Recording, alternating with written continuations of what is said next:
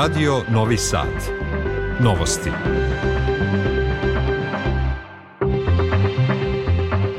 Dobar dan, ja sam Goran Pavlović. Ja sam Nikola Rausavljević. Vesti dana. Na pruzi Zaječar-Negotin kod sela Trnavac putnički voz iskliznuo iz šina. Nema povređenih.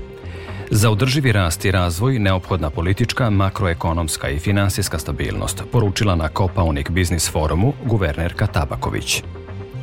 Povodom požara sa tragičnim posledicama u Novom pazaru dan žalosti. Nakon železničke nesreće u Grčkoj u kojoj je stradalo 57 putnika, šefu železničke stanice u Larisi određen pritvor. Zbog visokih temperatura u pojedinim atarima oboleo sav ječam. U Vojvodini do kraja dana moguća slaba kiša. Sutra promenljivo oblačno s kišom, temperatura do 15 stepeni. Prema poslednjim merenjima u Novom Sadu je 13. Predsednik Srbije Aleksandar Vučić završio je prvu radnu posetu Kataru za vreme koje je imao bilateralni sastanak sa emirom države Katar, šeikom Tamim bin Hamadom Al Tanijem.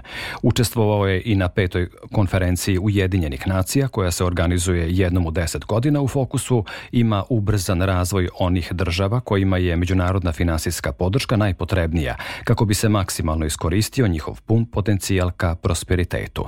Opširnije Boro Lazukić. Susret Vučića i katarskog šejka bio je njihov prvi susret, a dva lidera razgovarali su o bilateralnoj saradnji, ekonomiji i snabdevanju hranom, energetici i investicijama. Posebna tema bila je Air Srbija, budući da je prvog čoveka Katara Vučić zamolio da razmotre mogućnost da postanu strateški partner Air Srbije. Razgovarali smo o njegovoj skoroj posti, o potencijalnim investicijama u Srbiju, razgovarali o sigurnosti snabdevanja hranom, o energetici, ali i o drugim investicijama i ja sam jednu posebnu temu izdvojio.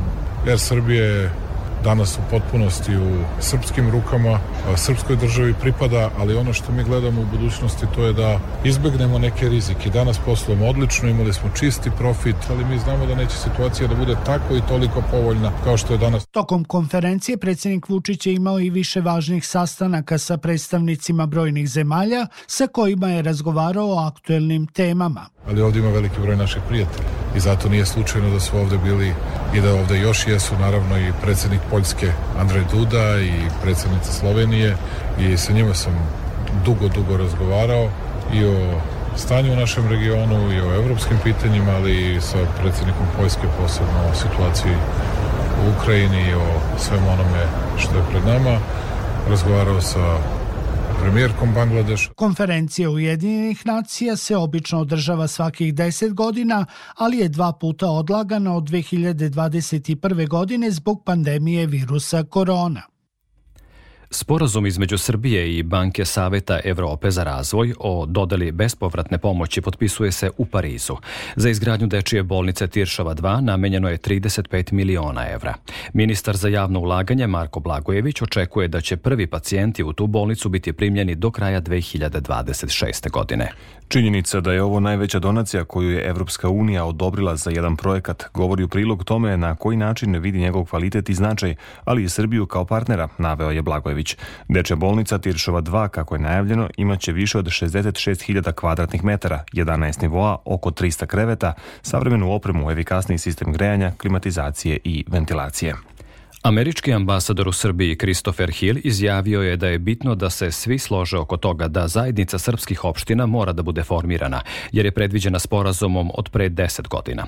Christopher Hill je na panelu Budućnost Evropske unije i Zapadnog Balkana na Kopaonik Biznis forumu izjavio da sporazumi moraju da se poštuju. Prema njegovim rečima, Srbija će pre ili kasnije postati članica Evropske unije. Pokažite nam jake institucije imaćete manje korupcije i obrnuto. Srbija mora da ima jake politike i reši pitanje Kosova, što je veoma teško, ocenio je Hilo. Zbog globalne krize, privreda celog Zapadnog Balkana prošle godine ostvarila je znatno slabije rezultate u odnosu na 2021. Ukazano je na otvaranju 30. Kopaonik biznis foruma uz ocenu da su rizici i dalje prisutni i teško predvidivi. Ipak, ekonomisti procenjuju da privreda Srbije ima dobre mehanizme zaštite, a to su visoke devizne rezerve, umerena visina spoljnog i javnog duga te likvidan bankarski sektor. Pripremila Branka Dragović-Savić. Reafirmacija puta ka Evropskoj uniji, povećanje privatnih investicija, restrukturiranje javnih preduzeća te promena koncepta obrazovanja glavni su izazovi za Srbiju u ovoj i narednim godinama, istakao je predsednik Saveza ekonomista Srbije Aleksandar Vlahović na otvaranju poslovnog foruma na Kopaoniku. Govorimo o potrebi unapređenja poslovnog ambijenta i kvaliteta institucija i to ne samo oni koji regulišu tržište, nego i oni koji garantuju pravnu sigurnost. Domaći investitori očekuju jasna, predvidiva i stabilna jednaka pravila za sve učesnike na tržištu. Nalazimo se u kriznom vremenu, te ako ove godine ostvarimo rast od 2%, zadržimo fiskalni deficit ispod 4%, a javni dug ispod 60%, to se može kvalifikovati kao uspeh. Guvernerka Narodne banke Srbije Jorgovanka Tabaković ocenila je da je svet na svojevrsnom raskršću, ali da je domaća privreda pokazala otpornost na aktuelne izazove. Ovo je vreme kada je jedinstvo, bez obzira na razlike, neophodno. Solidarnost i saradnja takođe su neophodni da bismo ostvarili svoj pun potencijal. Činjenica je da za model održivog rasta i razvoja ne može biti prečica. Činjenica je da za model održivog rasta i razvoja mora da postoji stabilnost politička, makroekonomska i finansijska, jer one jesu njegov važan preduslov i tačka u kojoj se susreću interesi svih. Glavni ekonomista u Svetskoj banci Gil Indermit upozorio je da bi 2023. mogla da bude treća najgora nerecesijona godina od 1990. ali da je Srbija uspela da održi makroekonomsku stabilnost. Jubilarni 30. Kopaonik Biznis Forum održava se od 5. do 8. marta u hotelu Grand na Kopaoniku u organizaciji Saveza ekonomista Srbije i okuplja 1500 učesnika i oko 200 panelista. Centralna tema foruma je otpornost ekonomije u neizvesnim vremenima i ključni izazovi za Srbiju i Zapadni Balkan. Osim Beograda, Sremska Mitrovica je jedina u Srbiji koja od danas ima međunarodno putničko pristanište na reci Savi. U realizaciju tog projekta vlada Srbije uložila je 400.000 evra u sklopu unapređivanja vodnog saobraćaja u našoj zemlji. Pojedinosti Dejana Kovačević. Sremska Mitrovica je od danas otvorena za međunarodni rečni putnički saobraćaj. Ovo je drugo pristanište na reci Savi, a u toku su radovi u Šapcu, te će se na taj način stvoriti brodska linija između ova dva grada. A do kraja godine očekujemo da će Srbija imati 12 ili 13 pristaništa. Istakao je ministar Goran Vesić, koji je prisustvovao otvaranju međunarodnog pristaništa za putnike u Sremskoj Mitrovici. Današnje otvaranje međunarodnog pristaništa koje jeste suštinski važno i za Sremsku Mitrovicu, a boga mi za Srem i za čitavu Srbiju, nije samo otvaranje jednog objekta, već je to govori o tome da smo promenili naše prioritete i da ćemo se više više ćemo pažnje obraćati na naše reke. Lokacija na kojoj se nalazi pristanište je kod zgrade Kapetanije, na mestu gde Parobrodska ulica izlazi na gradski kej. Otvaranje međunarodnog pristaništa stvoreni su uslovi da se svi oni kruzeri koji su decenijama prolazili pored Mitrovice sada tu i usidre. Na taj način se otvaraju mogućnosti da se ne samo poslovni, nego i turistički potencijali administrativne prestonice Srema unaprede, izjavila je Svetlana Milovanović, gradonačelnica Sremske Mitrovice. Samo ime Parobrodske ulice svedoči o tome da su pre nekoliko decenija Savom plovili parobrodi. Danas ih nema, ali će zato Savom ploviti kruzeri. Za izgradnju ovog projekta vlada Srbije je uložila 400.000 eura, a kako je istakao ministar Vesić, nastavit će se sa ulaganjem sve u okviru projekta Zaplovimo Srbijom, koji podrazumeva izgradnju većeg broja marina i ovakvih pristaništa, u cilju privlačenja većeg broja turista, ali i rečnog povezivanja gradova. Srbija je jasno vojno neutralna i ulaže više u promociju dijaloga, mira i stabilnosti, poručio je ministar za rad, zapošljavanje, boračka i socijalna pitanja Nikola Selaković pred početak Generalne skupštine Svetske federacije veterana koja se održava u Beogradu. Ministar je najavio da će i nadalje boračka invalidska zaštita biti visoko na agendi ministarstva kroz donošenje i sprovođenje akata, kao i poklanjanje dužne pažnje boračkoj populaciji. Predsednik Svetske federacije veterana Dan Vigo Bergtuna istakao je da je organizacija otvorena za saradnju veterana iz celog sveta. On je naglasio važnost koncepta poštovanja različitosti što je i moto te federacije. Naveo je da federacija želi da pokaže svetu da želi da brine o veteranima majs koje države bili. Novosti nastavljamo vestima iz regiona i sveta. Generalštab ukrajinskih snaga saopštava da ruske snage izvode raketne i vazdušne napade na Bahmut. Zamenik gradonačelnika tog grada rekao je da se u gradu vode ulične borbe, ali da ruske snage još nisu preuzele kontrolu. Šef Pentagona Lloyd Austin izjavio je da pad Bahmuta u ruske ruke neće promeniti tok rata. Sa druge strane, načelnik Belgorodske oblasti tvrdi da su ruske snage oborile tri projektila u toj oblasti. Ruska federalna služba bezbednosti saopštila je i da je sprečila pokušaj ukrajinskih specijalnih službi da ubiju ruskog milijardera Konstantina Melofejeva. Nemački kancelar Olaf Scholz naglasio je da pregovori o završetku rata u Ukrajini mogu da počnu samo kada ruski predsjednik Vladimir Putin shvati da neće pobediti. Iz Moskve odgovaraju da ne žele da rasponsavaju konflikt, već da ga okončaju. Prošlo je mesec dana od razornih zemljotresa u Turskoj i Siriji, a jedan od najvećih problema preživelih je pronalaženje bezbednog mesta za život, zbog toga što je više od 160.000 objekata srušeno ili oštećeno. Prema zvaničnim podacima, u Turskoj je poginulo 45.968 ljudi, a u Siriji više od 6.000. Najmanje milion i po ljudi sada je bez krova nad glavom, a neizvesno je koliko će vremena biti potrebno da im se obezbedi odgovarajuće sklonište. Turska agencija za katastrofe u međuvremenu je saopštila da je gotovo 2 miliona ljudi napustilo zonu pogođenu zemljotresom. Letovi i putovanja vozom za regione van zone zemljotresa su besplatni za one koji žele da odu. Šefu železničke stanice u grčkom gradu Larisa, gde je u sudaru vozova poginulo najmanje 57 ljudi, određen je pritvor nakon maratonskog saslušanja. Kako prenosi portal Katimerini, njegov advokat je izjavio da je to bilo očekivano zbog značaja predmeta, težine i odgovornosti. Prethodno je saopšteno da je šef stanice preusmerio prigradski voz na pogrešan kolosek. Šef stanice suočava se sa teškim optužbama za narušavanje bezbednosti u saobraćaju, a za to delo je zapređena kazna od 10 godina zatvora do doživotne robije. On se suočava i sa optužbama za višestruko ubistvo iz nehata, ali i optužbama za nanošenje telesnih povreda. Još jedan u nizu napada na snage bezbednosti u Pakistanu. Devet policajaca ubijeno je kada je bombaš samoubica detonirao bombu na jugozapadu te zemlje, saopštio je port parol pakistanske policije Mehmud Khan Notizaj i dodao da je povređeno 15 policajaca. Prema njegovim rečima, bombaš samoubica naletao je motociklom na kamion sa policajcima. Napad se dogodio u mestu Sibi, 160 km istočno od Kvete, glavnog grada provincije Beluđistan. Za sada niko nije preuzeo odgovornost za napad. Zaposleni u pravosudnim institucijama u Crnoj Gori održali su protest ispred zgrade osnovnog suda u Podgorici da bi nadležnima skrenuli pažnju na bezbednost sudova u kojima rade. Protest je održan nakon što je u petak Podgoričanin aktivirao eksplozivnu napravu u holu osnovnog suda i poginuo, a više osoba je povređeno. Među okupljenima su i brojni advokati, zaposleni u zgradi osnovnog suda i članovi porodica povređenih u ovom incidentu.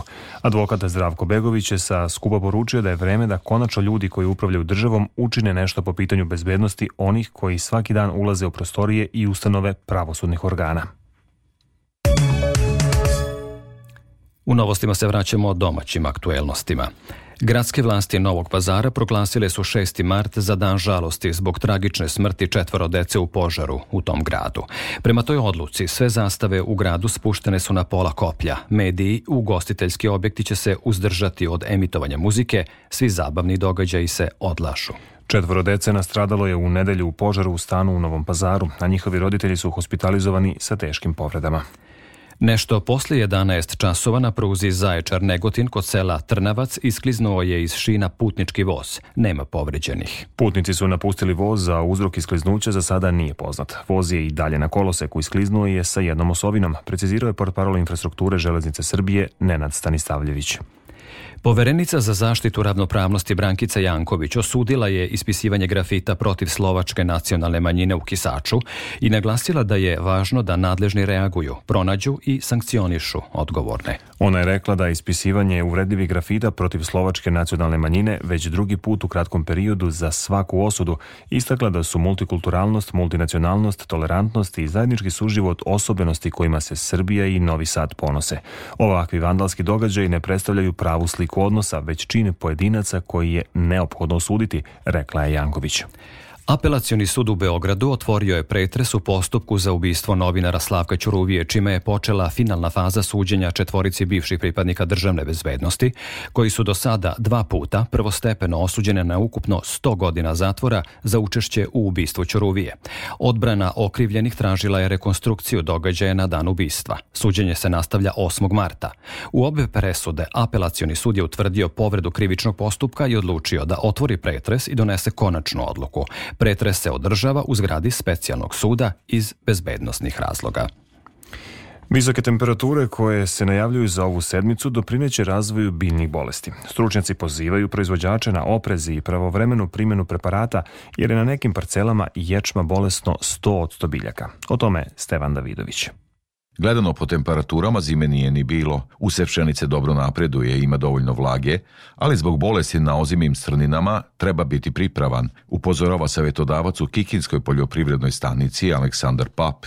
I napomenuo bi proizvođačima da obilaze svoje useve i da prate zato što je naša prognozna izveštajna služba konstatovala prisustvo patogena, konkretno rđe i treba to pratiti kako će se razvijeti situacija u narednom periodu. Da je potrebno pravovremeno početi sa tretmanima protiv bolesti, potvrdila nam je i stručnjak prognoza izveštene službe za zaštitu bilja Milena Marčić.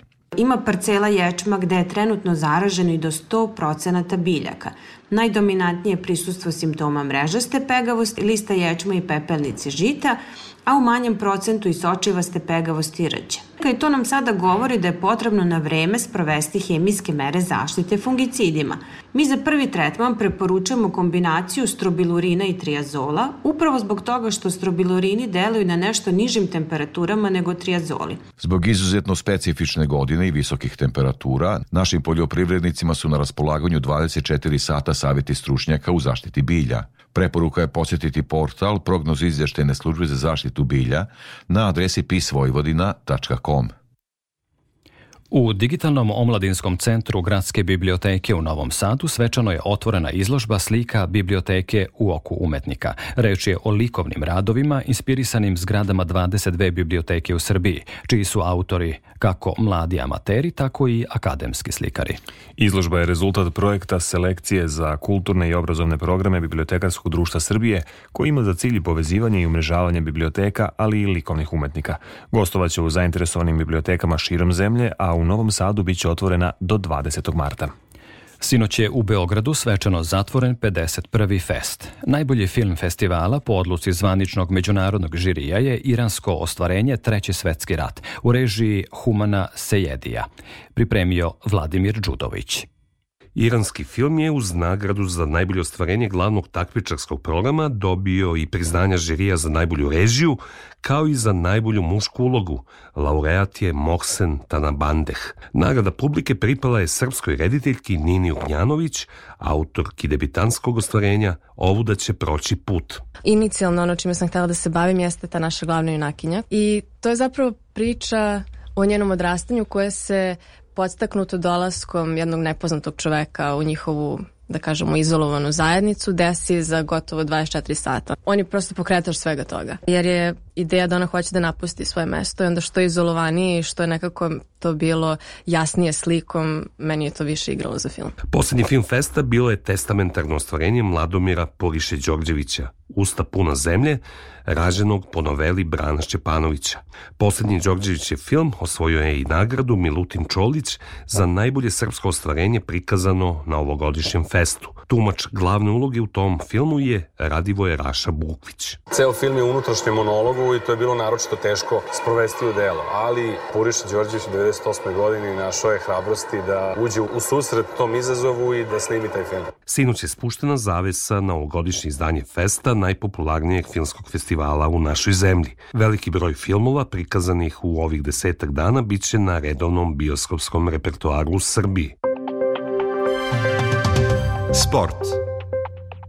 U danu kada se zvanično povukao iz žreba za Masters turnir u Indian Wellsu zbog nemogućnosti da bez primljene vakcine protiv virusa korona uđe u Sjedinjene američke države, Novak Đoković je započeo 379. u nedelju na čelu ATP liste. Danas će biti odigrane tri utakmice 25. kola Superlige Srbije u futbalu. Jedna je u toku, nakon 60 minuta igre Novi Pazar vodi protiv radničkog iz Kragujevca 1-0. Najnovija informacija je da je radnički iz Kragujevca izjednačio, tako da je trenutni rezultat 1-1. U Ivanjici Javor će od 16 časova ugostiti mladost iz Lučana, a od 18 časova u Novom Sadu mladost Gat radnički iz Niša.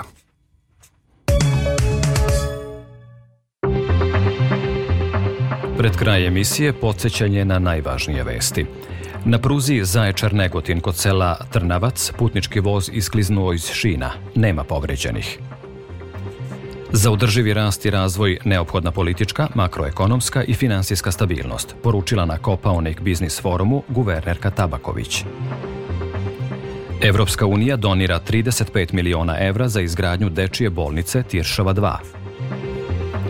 Povodom požara sa tragičnim posledicama u Novom pazaru Dan žalosti. Nakon železničke nesreće u Grčkoj u kojoj je stradalo 57 putnika, šefu železničke stanice u Larisi određen pritvor. Zbog visokih temperatura u pojedinim matarima oboleo i sav ječam. Prema poslednjim merenjima u Novom Sadu je 13 stepeni. Da čujemo i opširniju prognozu. U Vojvodini u utorak promenljivo oblačno ponegde sa razbudanom kišom ili lokalnim pljuskom. Vetar slabi i umeren južni i jugozapadni, najniža temperatura od 1 do 4, a najviša od 13 do 15 stepeni. U Vojvodini u sredu promenljivo oblačno sa sunčanim intervalima i uz ređu pojavu kratkotrene kiša ili pljuska.